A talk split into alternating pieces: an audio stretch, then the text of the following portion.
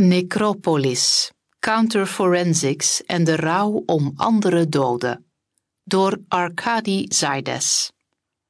Al langer dan een kwart eeuw houdt United for Intercultural Action, een netwerk van honderden antiracistische organisaties uit heel Europa, een lijst bij van overleden vluchtelingen en migranten die het continent probeerden te bereiken.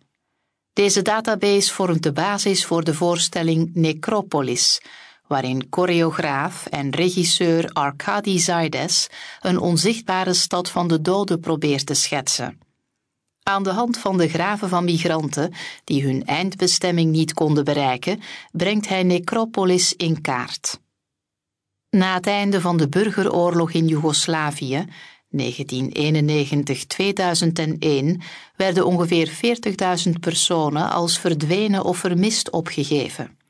Het postmortemonderzoek was van ongeziene schaal, waarbij DNA werd afgenomen van familieleden van de vermiste personen. De verzamelde gegevens werden vergeleken met de stoffelijke overschotten van duizenden lichamen die uit massagraven waren opgehaald. Deze forensische procedure leverde een onderzoek van 24 jaar lang en 161 aanklachten tegen hoge profielen op. 90 personen werden veroordeeld voor genocide, misdaden tegen de menselijkheid en andere misdrijven. Het Oorlogstribunaal van de Verenigde Naties, 2002, werd opgericht om dit werk te coördineren. Zij voerde onder andere de wetgeving in zaken vermiste personen, 2004, en het internationaal verdrag in zaken de bescherming van alle personen tegen gedwongen verdwijning, 2006, in.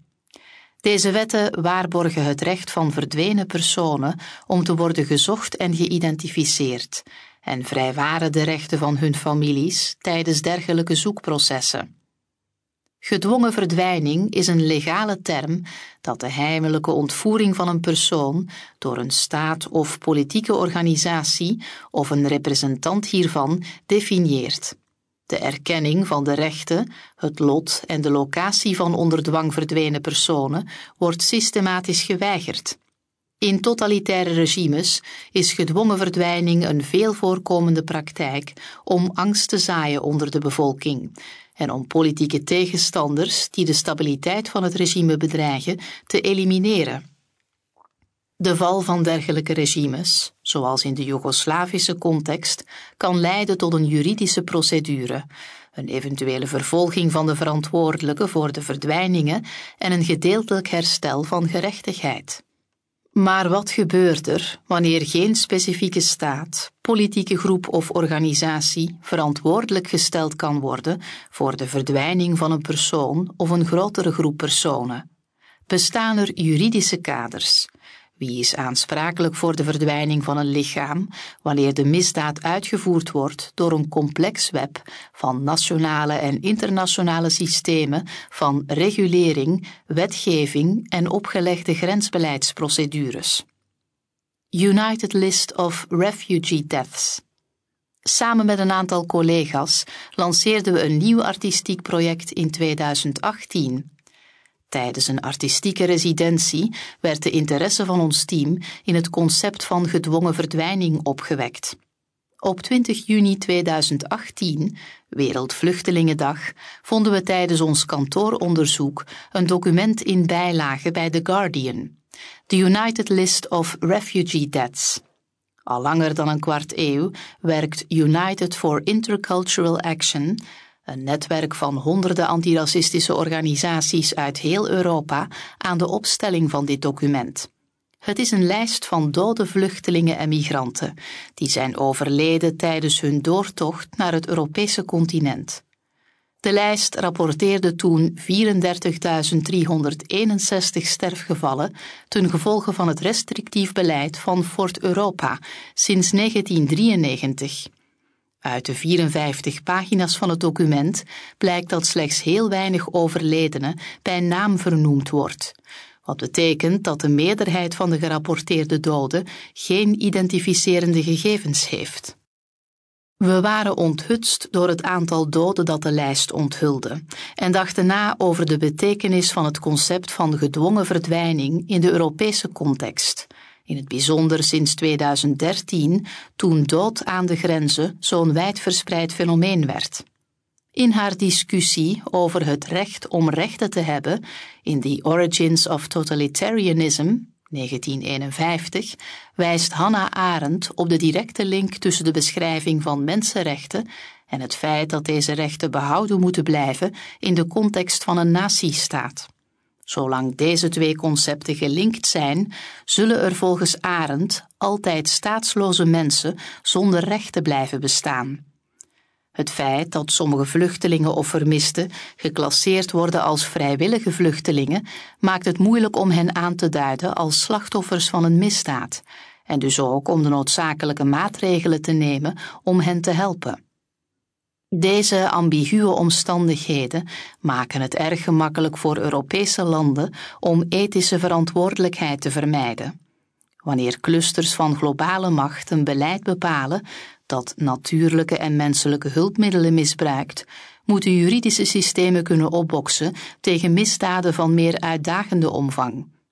Dergelijke uitdagingen zijn ook van sprake bij grootschalige migratiebewegingen die deel uitmaken van de nieuwe ecologie in het Anthropoceen-tijdperk. Vanuit zijn onderzoek naar het menselijke kostenplaatje van de Europese grenswacht suggereerde professor in migratierecht Thomas Spijkerboer dat grensdoden ontegenzeggelijk verband houden met het Europese grenswachtbeleid. Bijgevolg zoeken advocaten naar nieuwe benaderingen om de collectieve verantwoordelijkheid van de Europese staten voor de voortdurende sterftes aan hun grenzen aan te kaarten. Dit houdt ook pogingen in om staatshoofden of staatsagentschappen, zoals Frontex, juridisch aansprakelijk te houden voor de schending van de rechten van migranten en vluchtelingen en hun daaropvolgende dood. Counterforensics als kenterende praktijk. De Europese wetgeving maakt een helder onderscheid tussen criminele, natuurlijke en incidentele doden. Dit bepaalt de manier waarop lichamen hierop volgend worden behandeld. De duizenden sterfgevallen die plaatsvinden aan de poorten van Europa dagen deze klassificatie uit, aangezien de forensische procedures om medische en biologische data te verzamelen in de meeste gevallen onjuist en onvolledig worden uitgevoerd op de lijken. Overleden vluchtelingen en migranten vallen structureel en systematisch buiten de processen en procedures die hun identiteit zouden moeten bepalen. Het onherroepelijk verlies van informatie als gevolg van deze verwaarlozing belet elke toekomstige identificatie van de slachtoffers. Forensische wetenschap en analyse heeft als doel om de doodsoorzaak van overleden personen te bepalen, maar is ook essentieel bij de begeleiding van familieleden in het rouwproces en de opheldering van ambigu verlies. Wanneer er sprake is van dergelijk systematisch uitsluitsel, zijn onafhankelijke maatschappelijke verenigingen die de dood van othered personen onderzoeken essentieel voor het herstel van de waardigheid van verdwenen doden. Volgens literair wetenschapper Thomas Keenan is het toekennen van namen en geschiedenissen na een gebeurtenis van vernietiging cruciaal. Zeker wanneer het doel van de verdwijning niet enkel gaat over het uitwissen van mensen, maar ook van hun geschiedenis en hun rechtmatige aanspraak om de aarde te delen met anderen. Hij gebruikt de term counterforensics om identiteitsherstel te beschrijven als een elementair proces van politieke weerstand en rouw. Voor de leden van het artistiek collectief en onderzoeksbureau Forensic Architecture is counterforensics een burgerpraktijk om de geïnstitutionaliseerde forensische blik te kenteren. Individuen en organisaties nemen hierbij de middelen tot het produceren van bewijs over en keren de middelen van de staat tegen het geweld dat ze uitvoert. Er is sprake van counterforensics, wanneer burgermaatschappelijke groepen een variëteit aan wetenschappelijke en esthetische middelen gebruiken om bewijs te produceren en presenteren in het nastreven van publieke aansprakelijkheid. In hun onderzoek naar pushbacks rond de rivier Evros Maritza en de Spaanse enclave van Melilla bewees Forensic Architecture reeds de succesvolle pogingen van grenswachters om te beletten dat mensen Europees grondgebied betreden. Dit had meer doden aan de grenzen als gevolg. Bij deze en vele andere counterforensische onderzoeken toont het collectief aan hoe verschillende methodologieën, zoals getuigenissen, 3D-modellen, geolocatie, softwareontwikkeling, data mining en patroonanalyse gebruikt kunnen worden om misbruik van mensenrechten te simuleren en zo het onzichtbare zichtbaar te maken. De bouw van Necropolis, stad van gedwongen verdwenen doden. Naarmate ons onderzoek vorderde, vroegen we ons af wat onze collectieve verantwoordelijkheid als kunstenaars en burgers is in relatie tot de duizenden migranten die sterven aan onze drempels. Hoe kunnen we onszelf en de toeschouwer confronteren met onze collectieve verantwoordelijkheid in de dood van niet-burgers en hun rechten om verzorgd en berouwd te worden? De United List of Refugee Deaths werd hierbij onze gids, als een kaart. Bij het bestuderen van haar eindeloze details stelden we de vraag: waar zijn de restanten van al deze lichamen? Waar zijn de fysieke plekken waar deze individuen berouwd en gerespecteerd kunnen worden? We scrollden door de lijst als een gegevensbank en zochten naar belichaamde praktijken die zouden weer klinken met het proces van omgaan met restanten, bewijs en in dit geval ook lijken. Bij elke residentie waar we kwamen, gingen we opnieuw door de lijst om migranten en vluchtelingen op te zoeken die stierven in de buurt van de nieuwe locatie waar we ons bevonden. Hierbij deden we intensief onderzoek op het internet, contacteerden we lokale instellingen, archieven van stadhuizen, detentiecentra, NGO's die informatie zouden kunnen bevatten over een specifiek geval. Een van de residenties die we deden was bij Pact Zollverein, een kunstencentrum in het Duitse Essen. Hier gaven we verder vorm aan onze zoektocht om de noodzaak tot een fysieke rouwplek te laten weerklinken. Na uitvoerig online onderzoek over verschillende sterftegevallen in het Roergebied, focusten we ons op een artikel dat details onthulde over de locatie waar een 23-jarige vluchteling uit Sudan, Emmanuel Thomas Toe, begraven was. Toe was een van de eerste gevallen die vermeld werd in de United List of Refugee Deaths. Hij stierf in 1993 aan verwondingen ten gevolge van een zelfmoordpoging in een detentiecentrum in het dorp Herne. Het artikel vermeldde een herdenkingsceremonie tien jaar na zijn dood en vernoemde ook het kerkhof waar hij begraven was. Toen we aankwamen bij het graf van Toe, maakten we elk een gebaar van respect. Daarbovenop registreerden we de locatiecoördinaten van het graf en maakten we een documentatievideo van onze wandeling van de poorten van het kerkhof tot aan het graf. Tijdens het stappen hielden we de smartphone voor ons uit. In de studio voegden we de lengte en breedtegraad van de exacte locatie van Toes laatste rustplaats toe aan Google Earth. Zo konden we het graf virtueel herbezoeken zonder fysiek in de buurt te zijn. Sindsdien zochten en documenteerden we voortdurend de locaties van begraafplaatsen van migranten en asielzoekers in de buurt van elke plaats die we bezochten. Zo maakten we stap voor stap een mapping van de steeds groeiende stad van de doden, die we Necropolis begonnen te noemen. Tot op vandaag konden we meer dan duizend begraafplaatsen registreren. We zetten de zoektocht verder de cartografie van Necropolis blijft evolueren en wordt steeds rijker naarmate meer locaties toegevoegd worden aan het groeiend archief.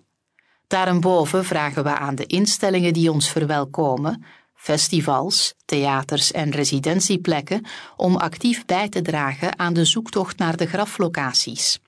Het ultieme doel van dit project is om de dikwijls comfortabele positie van deze instellingen en hun publiek uit te dagen door hen aan te zetten om deel te nemen aan de missie om te onderzoeken en te lokaliseren. Mensen die betrokken zijn bij het project worden vermeld in de credits, die eveneens blijven groeien. De United List of Refugee Deaths is tot op heden het meest accurate archief dat de sterfgevallen aan de grenzen van Europa van de laatste decennia documenteert. De Necropolis-zoektocht start vanuit de bestaande data uit de lijst, maar dankzij onze aanwezigheid op specifieke locaties over heel Europa ontdekken we steeds meer sterfgevallen die niet vermeld zijn. Soms ontdekken we ook onnauwkeurigheden een ontbrekende naam, een onvermeld land van herkomst of een foute sterfteleeftijd. We sturen vervolgens een gedetailleerd rapport naar het United-netwerk en helpen zo met de verfijning van de oorspronkelijke database van waaruit ons onderzoek vertrekt. Zodoende zijn er gegevens dat ons project toevoegde of mee verhelderde. Verschillende overleden migranten en asielzoekers, die eerder vermeld werden als NN, hetgeen staat voor het Latijnse nomenescio, oftewel ik ken de naam niet, kregen hun naam terug. Spokende infrastructuren. Het onderzoeksproject gaat gepaard met een gelijknamige theaterperformance, Necropolis. De performance doet dienst als een bemiddelaar in het bouwproces van de stad van de doden.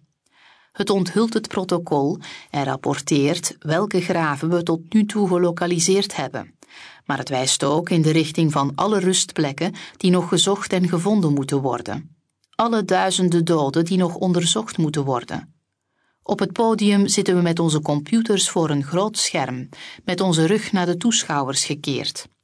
Ondertussen presenteer ik samen met choreograaf Emma Joya het resultaat van ons onderzoek. We roepen respectievelijk een zeer recent slachtoffer, een ouder sterfgeval, een bekend geval van een gezonken schip, een zelfmoord dat in een naburig detentiecentrum plaatsvond en de exacte datum van een confrontatie tussen migranten en de politie op. Ondertussen wordt deze data aangepast via een Google Earth-kaart waar alle begraafplaatsen op gemarkeerd zijn.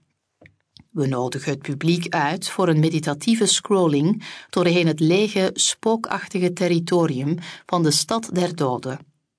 Necropolis kan dus geïnterpreteerd worden als een spectral infrastructure, oftewel een spookachtige infrastructuur. Dit is een term die benoemd werd door het artistiek-curatorieel collectief Free Thought om een veel minder zichtbare of voelbare infrastructuur te beschrijven, dat zowel verstopt als beklijvend is. De architectuur van Necropolis bestaat uit een zorgvuldig onderzoek naar de begraafgronden van mensen die systematisch verdwenen zijn. Als spectral infrastructure onderhoudt het een ondefinieerbare en verstorende kwaliteit in het anders schijnbaar efficiënt organisme van Europa, waarmee het de spookachtige en efemere lijm dat alles samenhoudt onthult.